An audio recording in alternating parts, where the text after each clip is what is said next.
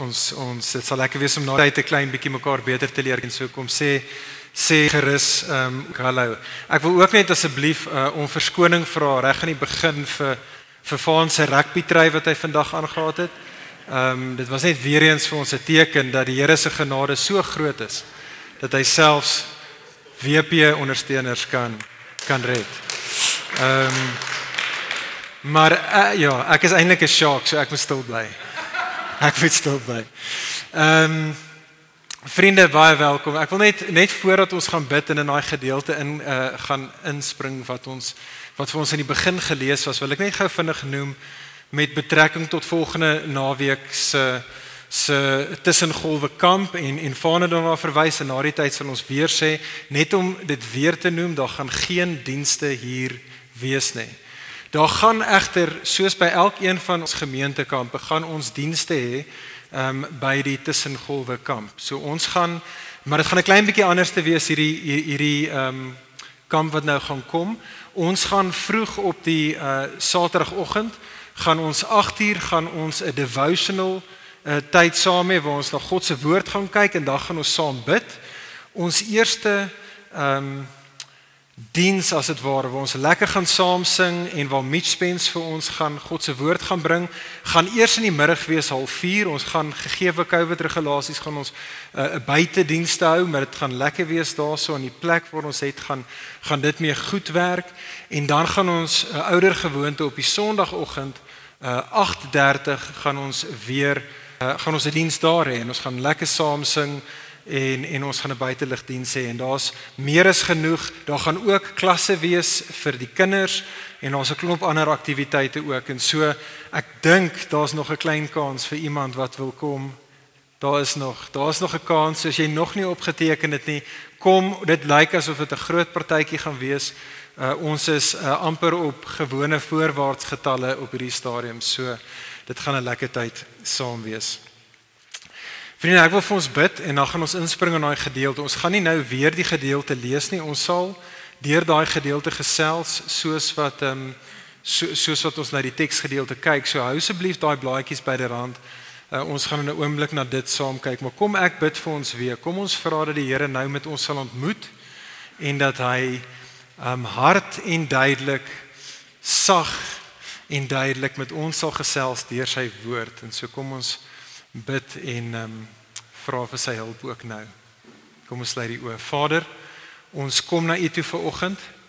'n Mense wat 'n groot en 'n diep honger in ons het, Here, om U te hoor praat met ons. Here, ons is 'n mense wat so vinnig is om te vergeet. Here, ons is so vinnig om perspektief te verloor. En Here, ons het so bitter nodig, Here, om deur U gevange geneem te word. En so Here, ons weet dat wanneer u woord uh, oopgemaak word en verkondig word, Here is die Gees aan die werk om u seën te verheerlik.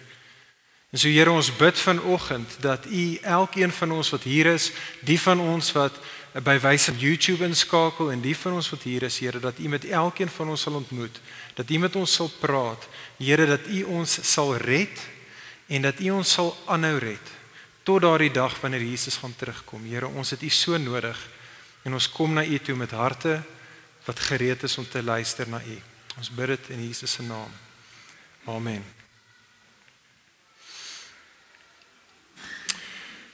Vriende, ek het um, ek het onlangs so 'n uh, uh, interessante brokkie uh, inligting op afgekom. Dit is een van daai dinge wat eintlik dalk so klein bietjie voel soos nuttelose inligting, maar ek het dit baie interessant gevind. En dit het alles te doen met die oorsprong of die geskiedenis van die triespeeltjie.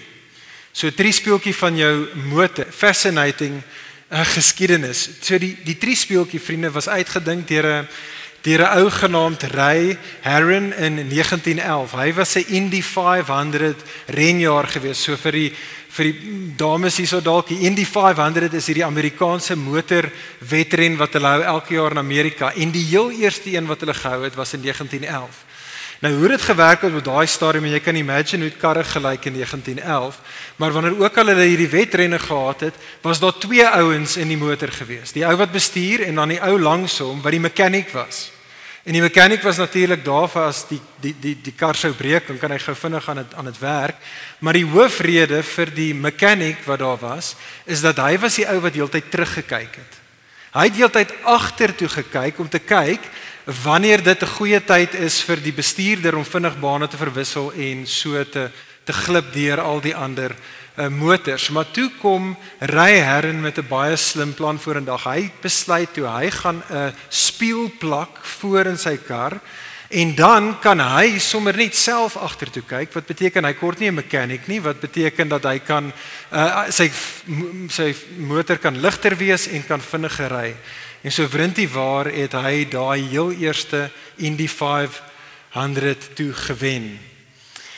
Maar die ou, die die man wat eh, 'n uh, paar jaar later eintlik die triespeeltjie van 'n motor toe gepatenteer het en wat gemaak het dat dit toe van daai punt af vorentoe in in alle motors in is, was 'n man met die naam van Elmer Burger.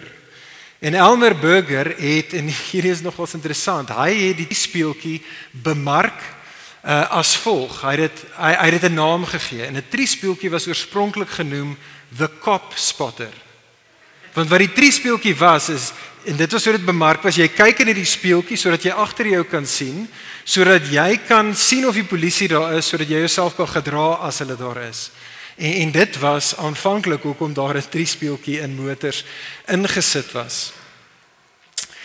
Nou vriende, ek verwys na die oorsprong van die drie speeltjie want ek dink dit herinner ons aan die volgende, nê, nee, dat alhoewel 'n drie speeltjie ons help om terug te kyk is die primêre doel daarvan eintlik om jou te help om beter vorentoe te beweeg. Dis eintlik die punt daarvan ja, jy kyk so bietjie in jou triespeeltjie as jy reverse, maar jy kort eintlik jou triespeeltjie vir as jy op die N1 ry. Dan kan jy nie jou nek omdraai nie. En vriende, ek begin hier want net soos wat ons in ons motors nodig het om terug te kyk ten einde behoorlik vorentoe te kan beweeg, Vriende, so is dit ook in die Christen lewe. Die Christen vriende is iemand wat op die geloofspad van die lewe voortdurend nodig het om terug te kyk ten einde werklik op 'n gesonde en 'n goeie en 'n veilige en 'n voorspoedige manier te kan vorentoe beweeg. Ons het nodig om terug te kyk as ons enigsins gaan vorentoe kan beweeg. En vriende, dit is wat ons oor vandag wil nadink in hierdie gedeelte van ons. En eh, soos Dewald genoem het, maak ons vandag klaar met ons reeks genaamd Dankbaar wat ons so vir die laaste 6 weke of wat na gekyk het en en wat ons in hierdie reeks gesien het. Hierdie was die groot punt. Ons het gesien dat dankbaarheid vriende is 'n deug. Dankbaarheid is iets wat onsaglik belangrik is in die lewe van gelowiges, spesifiek dankbaarheid teenoor God. En ons het gesien in die reeks van dankbaarheid teenoor God is een van die primêre maniere wat ons vir God verheerlik. Maar wat dankbaarheid ook doen is in die proses verander dit jou en my.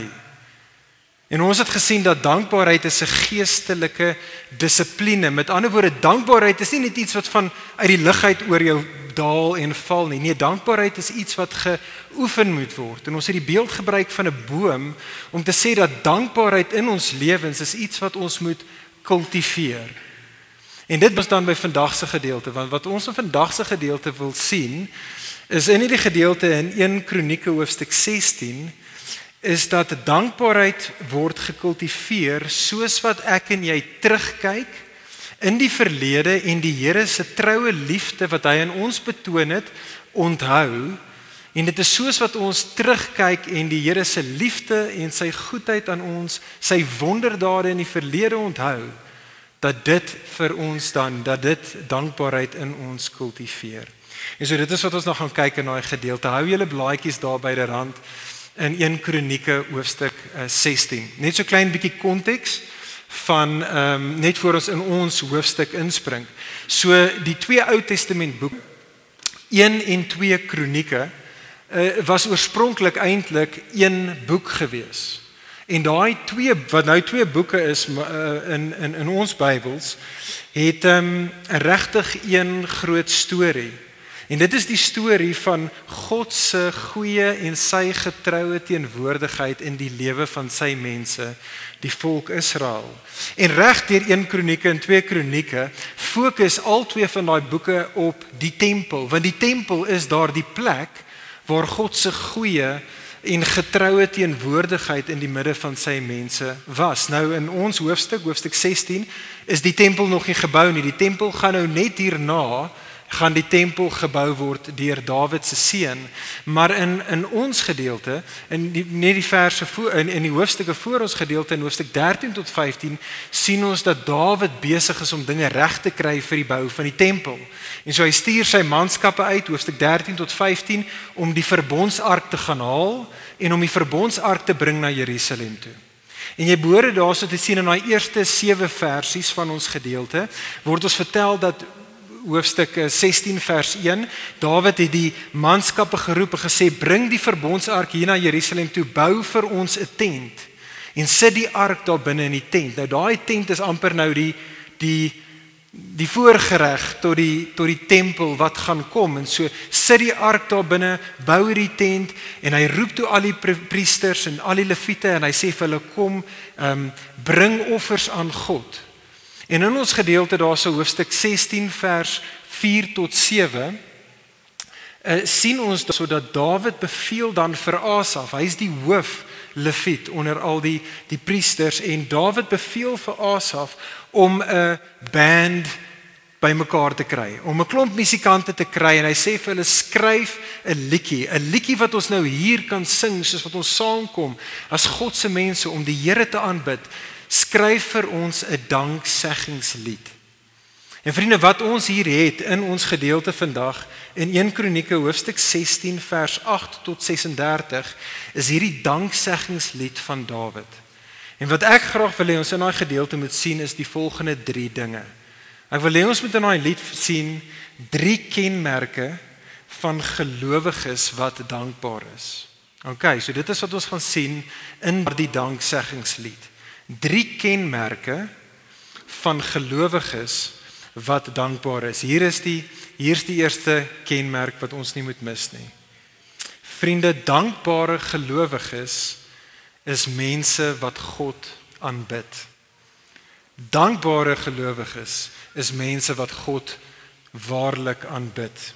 Nou ek wil nie te veel tyd hier aan spandeer nie want dit was eintlik die die groot punt wat ons in die heel eerste uh preek in hierdie reeks na gekyk het, maar ek wil dit wel hier noem want dit is so prominent in hierdie lied van ons. So kyk asseblief saam met my raak hoe dit hierso uitstaan. Dankbaarheid vriende teenoor God en jou en my aanbidding van God kan nie van mekaar geskei word nie. Dit is die punt wat ek wil hê ons moet sien. Jy kan nie aanbidding van God en dankbaarheid teenoor God, daai twee konsepte loop hand aan hand aan mekaar. Kyk daarson vers 4 saam met my.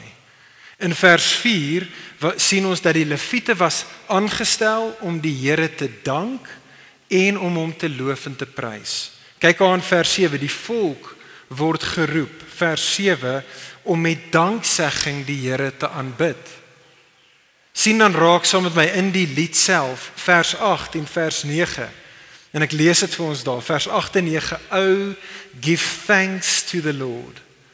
Call upon his name make known his deeds among the peoples. Sing praises to him. Tell of all his wondrous works.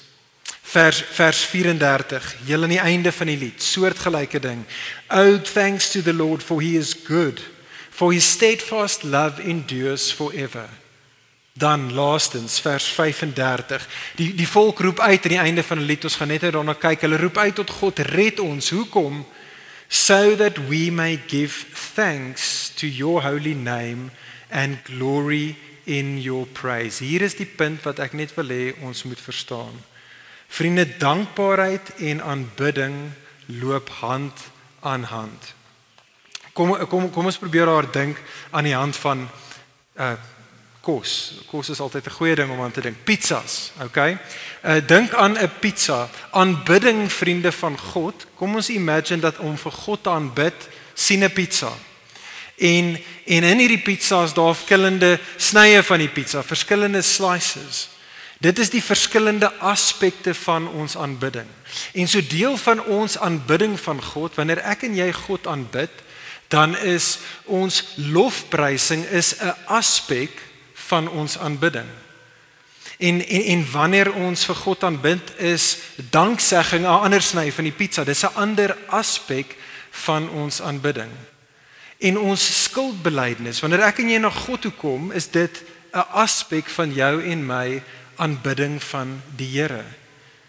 En wanneer ek en jy in gehoorsaamheid reageer op die Here se woord, dan is ons gehoorsaamheid 'n aspek van ons aanbidding. Maar vriende, hierdie is waar dankbaarheid inkom. Dankbaarheid is soos die deeg van die pizza waarop elke aspek van jou en my aanbidding vanuit voortspruit. Ek dink dit is redelik voor die hand ligging as jy dink aan danksegging. Dink daaroor vriende, ek en jy gaan net werklik God aanbid en vir hom dankie sê in ons deur ons lewens wanneer daar 'n dankbaarheid in ons is wat oorborrel in danksegging. Soortgelyk gaan ek en jy net vir God werklik loof en prys wanneer daar 'n dankbaarheid in ons hart is vir hom. Daar's 'n diep waardering in ons wat maak dat ons vir God loof en prys. Dieselfde is waar van ons gehoorsaamheid.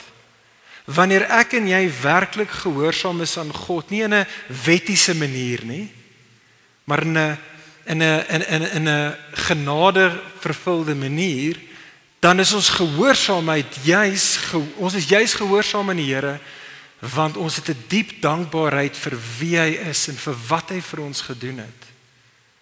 En vriende selfs ons skuldbelydenis Wanneer ek en jy vir God jammer sê, wanneer ek en jy van ons sondes bekeer, is dankbaarheid die ding wat ons lei tot ons sonde besef en ons skuld belydenis. Hoor die woorde van Paulus in Romeine 2 vers 4. Paulus sê, "Don't you know that it, it that it is God's kindness that is meant to lead you to repentance?" So wat Dawid vir ons sê dat as ek en jy bekeer, is dit God se kindness, God se goedheid wat op die einde van die dag die ding is wat ons lei en wat ons bring op 'n punt van sonde erkenning en van ons sonde belydenis. Maar vriende, dit los vir jou en vir my dalk potensieel met 'n probleem. Die die die vraag is wat doen ek en jy dan as ek en jy nie regtig dankbaar voel teenoor God nie? Maar kom ons wees eerlik met mekaar net, dit gebeur baie. Daar's baie kere wanneer die lewe is net so rof en ons is net so gestres en ons is net pimpel en pers geslaan deur alles wat in die lewe gebeur. En as ons moet eerlik wees, ons voel nie dankbaar nie. Wat ons in hierdie gedeelte sien is daar's geen ware aanbidding van God. Geen verheerliking van God wat geskei kan word van dankbaarheid nie. So wat dan as ek en jy nie dankbaar voel nie? Beteken dit dat ek en jy moet staak? Ons moet ons moet ophou om vir God te aanbid? Beteken dit ek en jy moet dalk in ons aanbidding van God dit net fake tot ons dit voel? En die antwoord is nee. Die antwoord vriende is as ek en jy nie die dankbaarheid voel nie, dan het ons nodig om dankbaarheid te kultiveer. Want onthou dit is 'n geestelike dissipline. Dit is iets wat ja op tye dalk nie is soos dit moet wees nie, maar wat kan groei, wat versterk kan word, wat gekultiveer kan word. Maar hoe? Hoe kultiveer ons dankbaarheid? Dit is die tweede punt. Dis eintlik die groot punt van vandag se gedeelte. Hier is die tweede kenmerk van God se kinders. En dit is dat dankbare gelowiges vriende onthou God. Dankbare gelowiges is daardie mense wat vir God onthou en dit is wat ek graag wil hê ons moet sien. Tel julle blaadjies byderhand. sien raak saam met my hoe duidelik uh, Dawid se lied dit aan ons hier kommunikeer. Kyk saam met daar in vers 11. Vers 11 is 'n opdrag. Vers 11 sê vir jou en vir my seek the Lord and seek his strength seek his presence continually. En so ons word geroep om die Here se krag te soek en ons kan dit kry.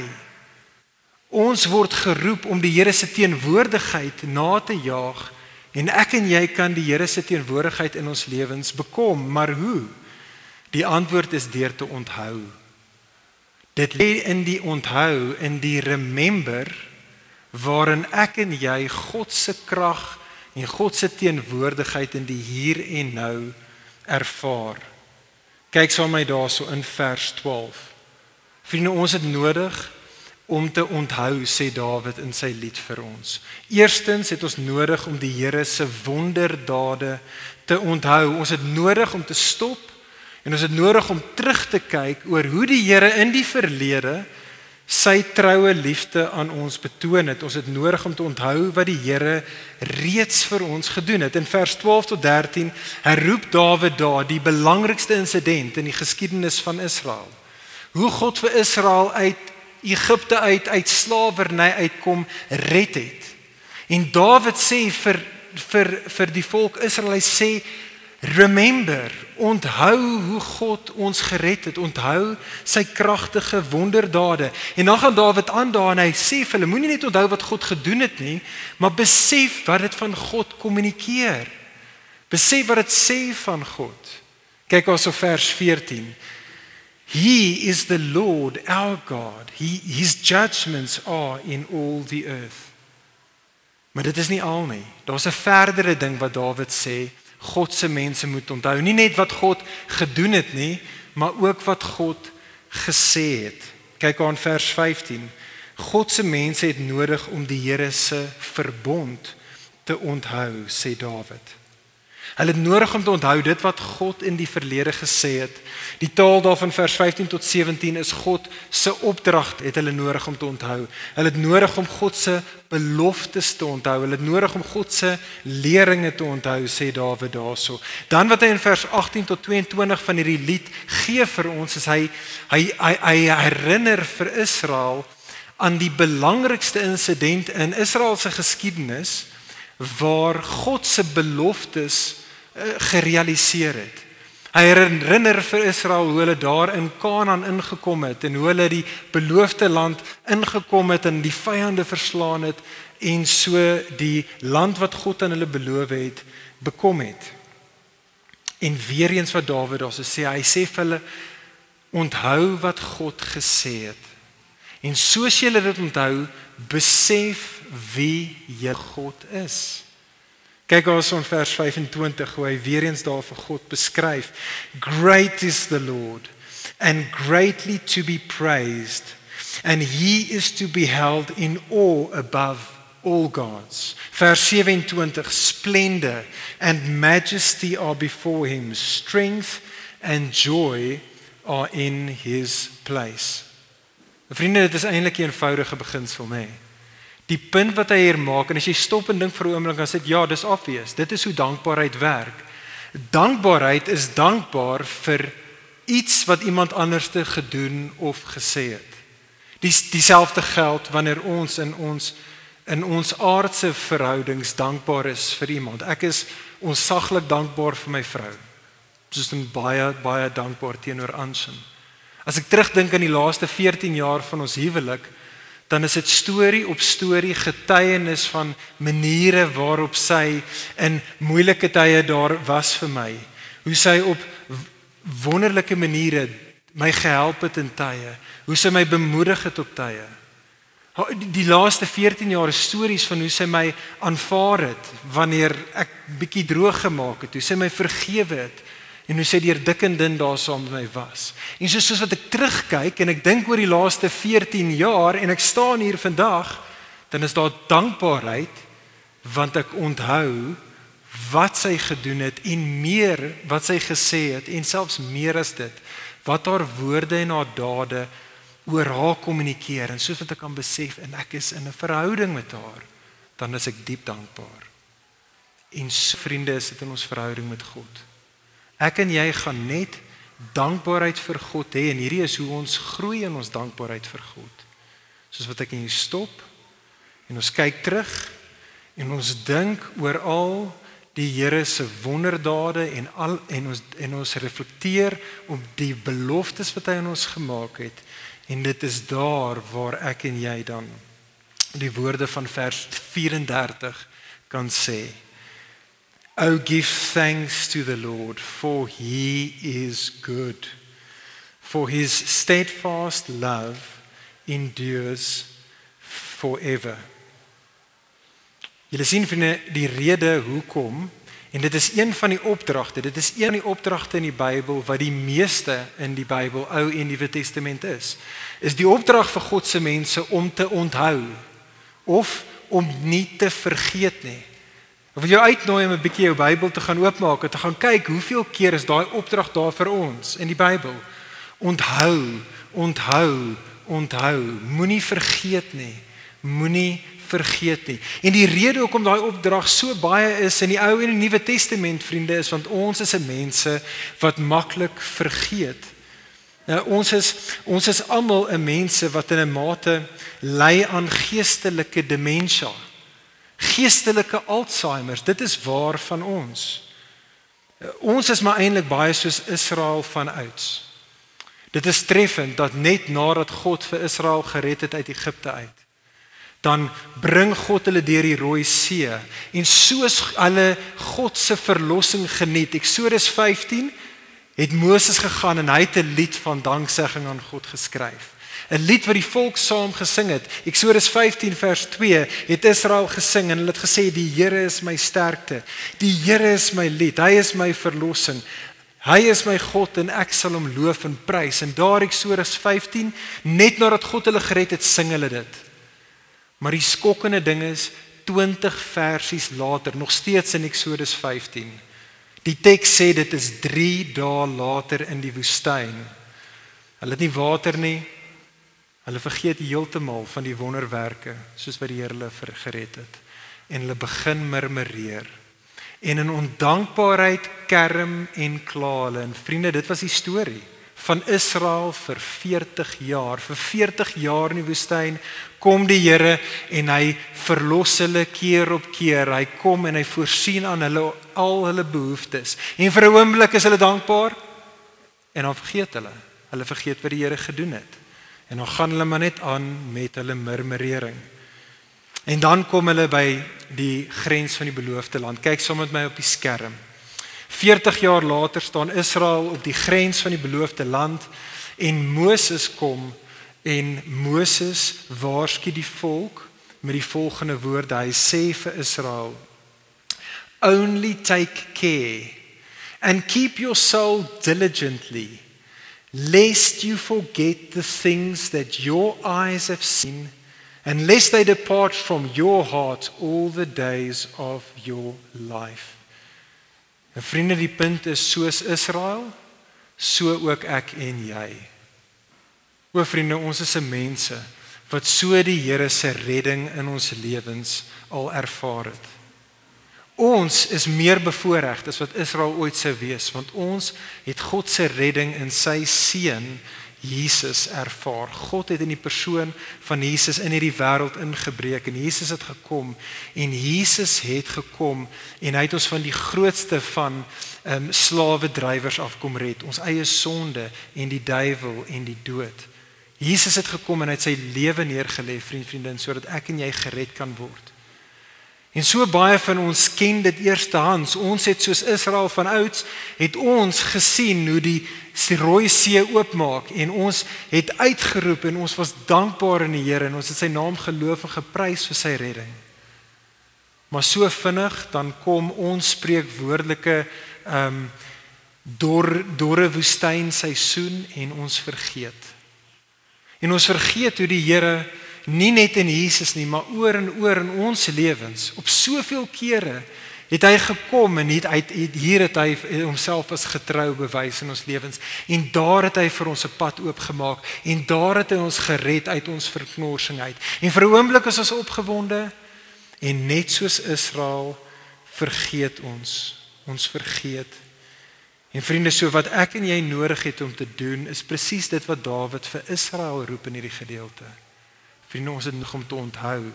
Dis 'n oorlog. Hierdie is die stryd van geloof. Die Christen is iemand wat in die triespieeltjie kyk, dag in en dag uit en terugkyk en 'n punt daarvan maak om te sê ek gaan onthou dit wat my God gesê het vir my, wat hy vir my beloof het en ek gaan aanhou terugkyk en onthou, remember alles wat my God vir my gedoen het. Dit is die stryd van geloof. Vriende net twee twee maniere wat dit in praktyk vir jou en vir my kan uitspeel. Vriende, ek en jy, soos ek sê, dit is dit is die geloofstryd. Dit is vriende hoekom ek en jy wil stilte tye hou. Ek sê so ver gaan om te sê dat wel een van die primêre redes hoekom God mense stilte stilte tye hou elke liewe dag van hulle lewe is sodat hulle kan stop en sodat hulle kan terugkyk. Hulle kan terugkyk oor die laaste 24 uur en sodat hulle spesifiek hulle seëninge kan tel sodat hulle kan sien wat, hoe die troue liefde van die Here in hulle lewe was. En vriende, dit is die rede en ons gaan dit in die volgende reeks daarna kyk. Dit is hoekom dit absoluut krities is vir ons as God se mense om 'n Sabbat beginsel in ons lewens te hê. Een dag uit 7 waar ons stop, waar ons fisies rus, waar ons geestelik rus en waar ons spesifiek daarop fokus om terug te kyk oor daardie week en om te sien en om dit te waardeer en om dit met ander te deel hoe die Here in sy troue liefde ons gered en gehou het. Vriende, dit is hoekom jy wil ten minste een keer in 'n kwartaal probeer om eers al is dit net vir 'n naweek of vir 'n week 'n bietjie van 'n vakansie te vat. Dit is nie net sodat ons kan gaan fisies rus nie, dit is sodat ek en jy kan terugkyk oor die kwartaal. En sodat ek en jy kan stop en tyd kan maak om terug te kyk en om te gaan nadink oor die troue liefde van die Here in ons lewens. En vriende, dit is hoekom ons ook jaarliks dinge soos ons verjaarsdag eintlik vier. Dit is hoekom ons huweliksherdenkings wil vier. Dit is hoekom ons oujaarsdag wil vier en ander publieke vakansiedae sodat ons geleenthede in ons lewens inbou waar ons stop en ons kyk terug en ons onthou die troue liefde van die Here in ons lewens. En soos ons terugkyk en soos wat ons daai dinge vriende wat ek en jy dan wil doen is ons wil spreek woordelike monumente bou. Tasbare tekens in ons lewens plaas. Dinge wat ons sal kan onthou sodat ons kan nie vergeet Jesus maar die Here was goed vir my gewees nie. En in ons moderne wêreld is dinge soos om net foto's te neem en dan jy kan dit vir mense dit nie seker nie meer fotoalbums nie. Ek weet nie wat ons doen met ons foto's meer nie. Maar maar foto's is 'n manier wat jy kan stop en sê maar hier is 'n hier is herinneringe aan die Here se goedheid en sy genade en sy krag in my lewe. En 'n soort gelyk is dit natuurlik ook waar van die video's wat ons kan neem. Dit is dit is dit is hoekom ons as Christene wil journal baie Christene daar buite getuig dat om 'n joernaal te hê waarin jy daagliks of weekliks weekliks skryf die die die dinge wat die Here in jou lewe doen is 'n wonderlike manier vir ons om te kan onthou wat die Here vir ons in die verlede gedoen het. Dit is hoekom ons selfs uh, spesifieke plekke wil besoek. Dit is ek ek sal dit net sê, dit is hoekom ek baie pro begrafplase is.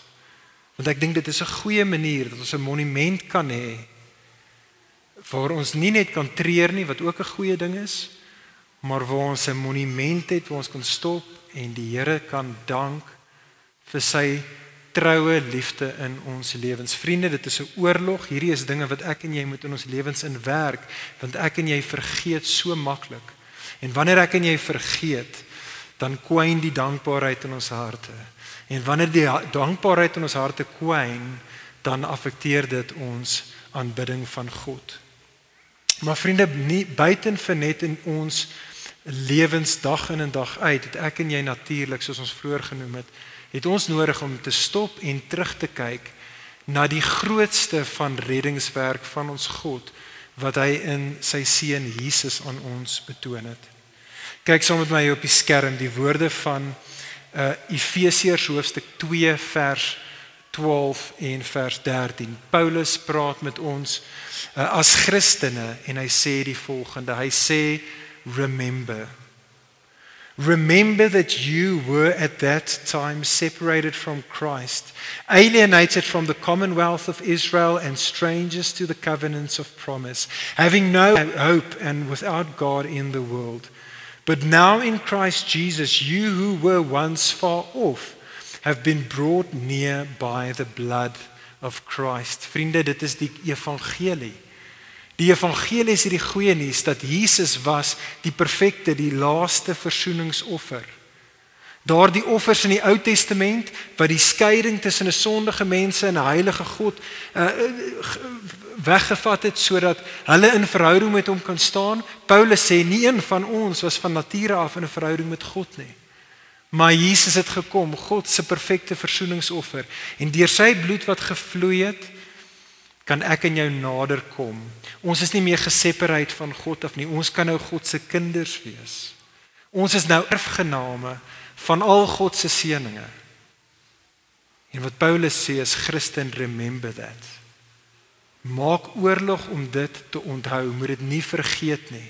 Dis die belangrikste ding in die lewe wat jy moet onthou. Jy het nodig om terug te kyk en jy het nodig om die Here se wonderdade, soos wat hy ons gered het in Jesus, moet jy bly onthou. Vriende, dit is een van die groot redes hoekom daar iets soos kerk is. D dit is die rede, vriende, hoekom ons ligpunt gesinne het. Ons ligpunt gesinne, dit is hoekom ons gereeld weekliks wil saamkom met ander gelowiges. Want ek en jy vergeet vinnig die troue liefde van die Here en ons het ander mense nodig om ons te help om heeltyd die troue liefde van die Here te onthou wanneer ons eie sonde of die omstandighede om ons maak dat ons dit vergeet.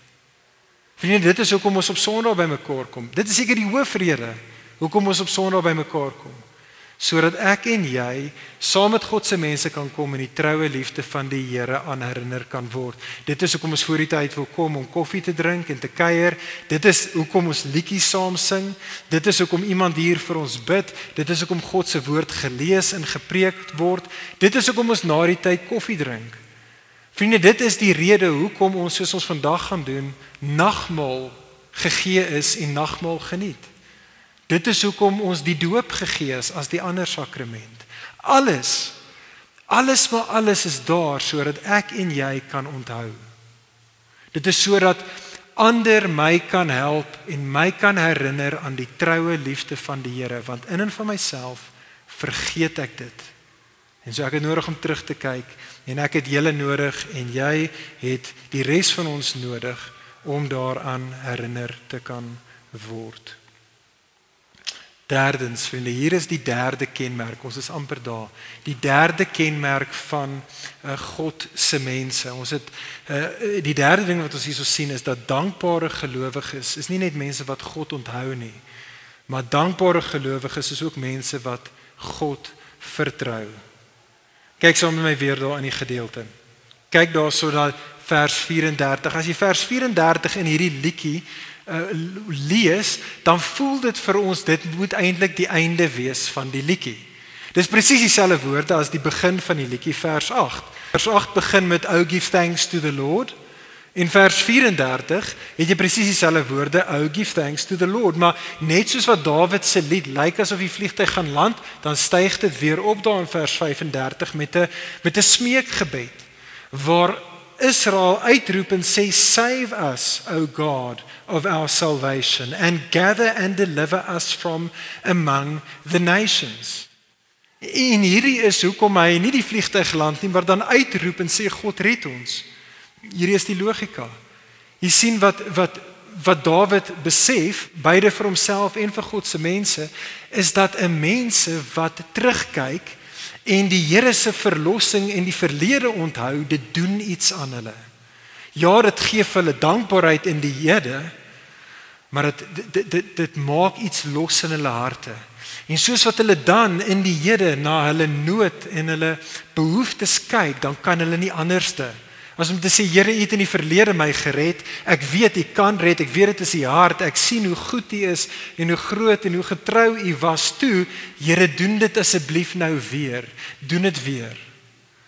Ek wonder of julle al gesien het een van die een een van die lewensveranderende gebeurtenisse nê is wanneer 'n klein baba of 'n toddler die eerste keer roomys gegee word.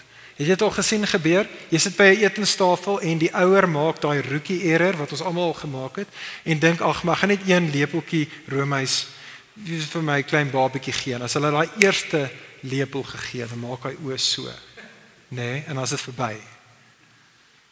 Da nog, nog, nog die roep die baba en elke keer daarna as daai wit roomysbak net uit die diepvries uitkom, dan skree die kind en hy roep uit meer meer meer. Jy sien hy die hy die good stuff geproe. Hy het die goeie goed geproe en hy wil meer hê hy wil meer daarvan hê. En vriende dit is hoe ons is. Dit is hoe Israel was en dit is hoe ek en jy is. 'n mense wat die soete verlossing van die Here geproe het. Mense wat wat daaraan herinner is en wat dit geproe het. Is 'n mense wat in die Here sê Here nog nog doen dit weer. Red my meer. Hou aan om dit te doen. Dit is hoe die kenmerk is van van God se mense.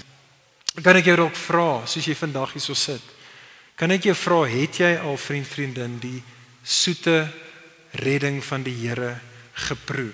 Eerstens Jy sien ek dink altyd is die gevaar vir baie van ons dat ons word groot in kontekste waar ons gaan kerke toe en ons ouers vertel vir ons en die sonndagskoolonderwysers vertel van ons van die Here se redding. Maar die vraag is vriende, is dit iets wat ek en jy eerstehands in ons lewe al geproe het? Het jy al geproe hoe soet dit is om eh, deur die Here gered te wees? Die vraag is hoe bekom hoe kan ek en jy gered word? Kyk aan vers 8 van die lied in die begin. Dit is deur die Here se naam uh, aan te roep. Dit is soos wat ons die Here se naam aanroep wat ons gered word. Romeine 10 vers 13. Elkeen wat die naam van die Here aanroep, sal gered word. Handelinge 4 vers 12 There is salvation in no one else for there is no other name under heaven given among men by which we must be saved in die naam daar sê die Nuwe Testament is die naam van Jesus. Vriende, dit is soos wat ek en jy die naam van Jesus aanroep wat ek en jy gered kan word. Het jy dit al gedoen? Kan ek jou uitnooi vandag Hou op om te probeer jouself red. Jy kan nie jouself red nie. Ons kan nie. Ons probeer die hele tyd, net soos Israel probeer ons. Ons kan nie onsself red nie. Jesus se naam beteken letterlik die Here red. Kan ek jou uitnooi kom na Jesus toe? Dalk vir die eerste keer, dalk vir die hoeveelste keer, maar kom terug na hierdie Jesus toe. Dit is hy is die een wat ons kan red. Maar ons moet dit besef. Vriende, net soos Israel wat gered was uit die Egipte uit, maar hulle was nog in die woestyn op pad na die beloofde land toe. So sê die Nuwe Testament is jou en my redding. Aan die een kant is ons reeds gered deur Jesus.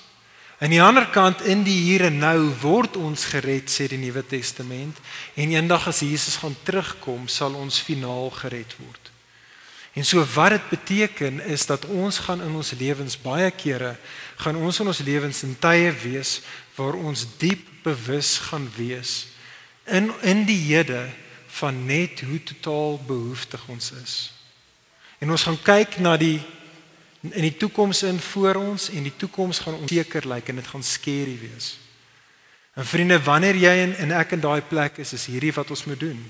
Wat ons nodig het om te doen is ons moet stop En ons moet terugkyk in die drie speeltjie. Ons het nodig om die Here se reddingsdade in die verlede te onthou want dit is soos wat ek en jy dit doen dat dit in die hede hier nou geloof in ons wakker maak en vir ons hoop gee soos wat ons op die onsekere pad voor ons af staar. En so ek sluit hiermee af. Ek sluit af vriende. sien raak sien raak hoe eindig die lied. Die lied eindig daarso in vers 35 en vers 36. sien ons dat Dawid is oortuig dat elke persoon wat die naam van die Here aanroep, sal gered word. En dat wanneer hulle gered word, sal dit beteken dat hulle sal dan diep dankbaar wees, weer eens dankbaar wees oor dit wat die Here gedoen het, soos hy hulle keer op keer weer het.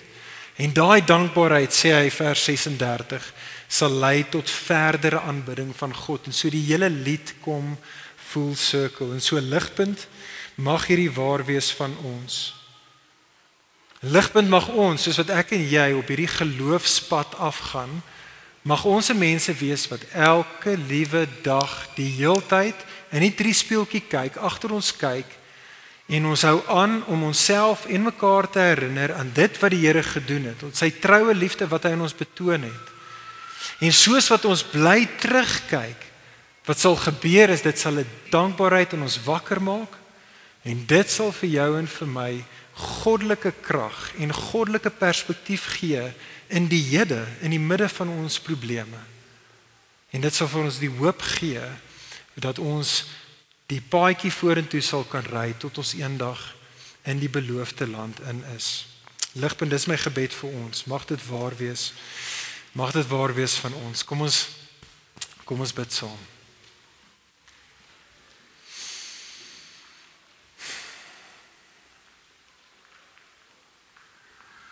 Ag Vader, ons ons moet bely, ons moet eerlik wees. Ons is so 'n vergeetagtige mense. Here, U was al so goed vir ons. Soveel keer goed vir ons. Here, U het ons al op soveel maniere oortuig van die goedheid en die grootheid en die genade. En soveel kere, Here, was ons so diep bewus dat Here daar's net een vaste rots, daar's net een redder en dit is U. Maar Here dan so vinnig vergeet ons dit en so Here ons Here ons dankie Here dat in U woord, in U seën en deur 'n magtom maniere gee U vir ons geleenthede Here om aan te hou te onthou wat U gedoen het. Ag asseblief Here, sal U deur die Gees ons so 'n mense maak, 'n mense wat heeltyd terugkyk sodat ons behoorlik vorentoe in die geloofspad kan aanbeweeg. Here, doen hierdie werk in ons. Here, doen dit, Here, want ons smag om 'n meer dankbare mense te wees. En ons het 'n diep begeerte om U met ons lewens te verheerlik. Ag Here, verheerlik U self deur ons lewens en verander ons in die proses bid ons in Jesus se naam. Amen.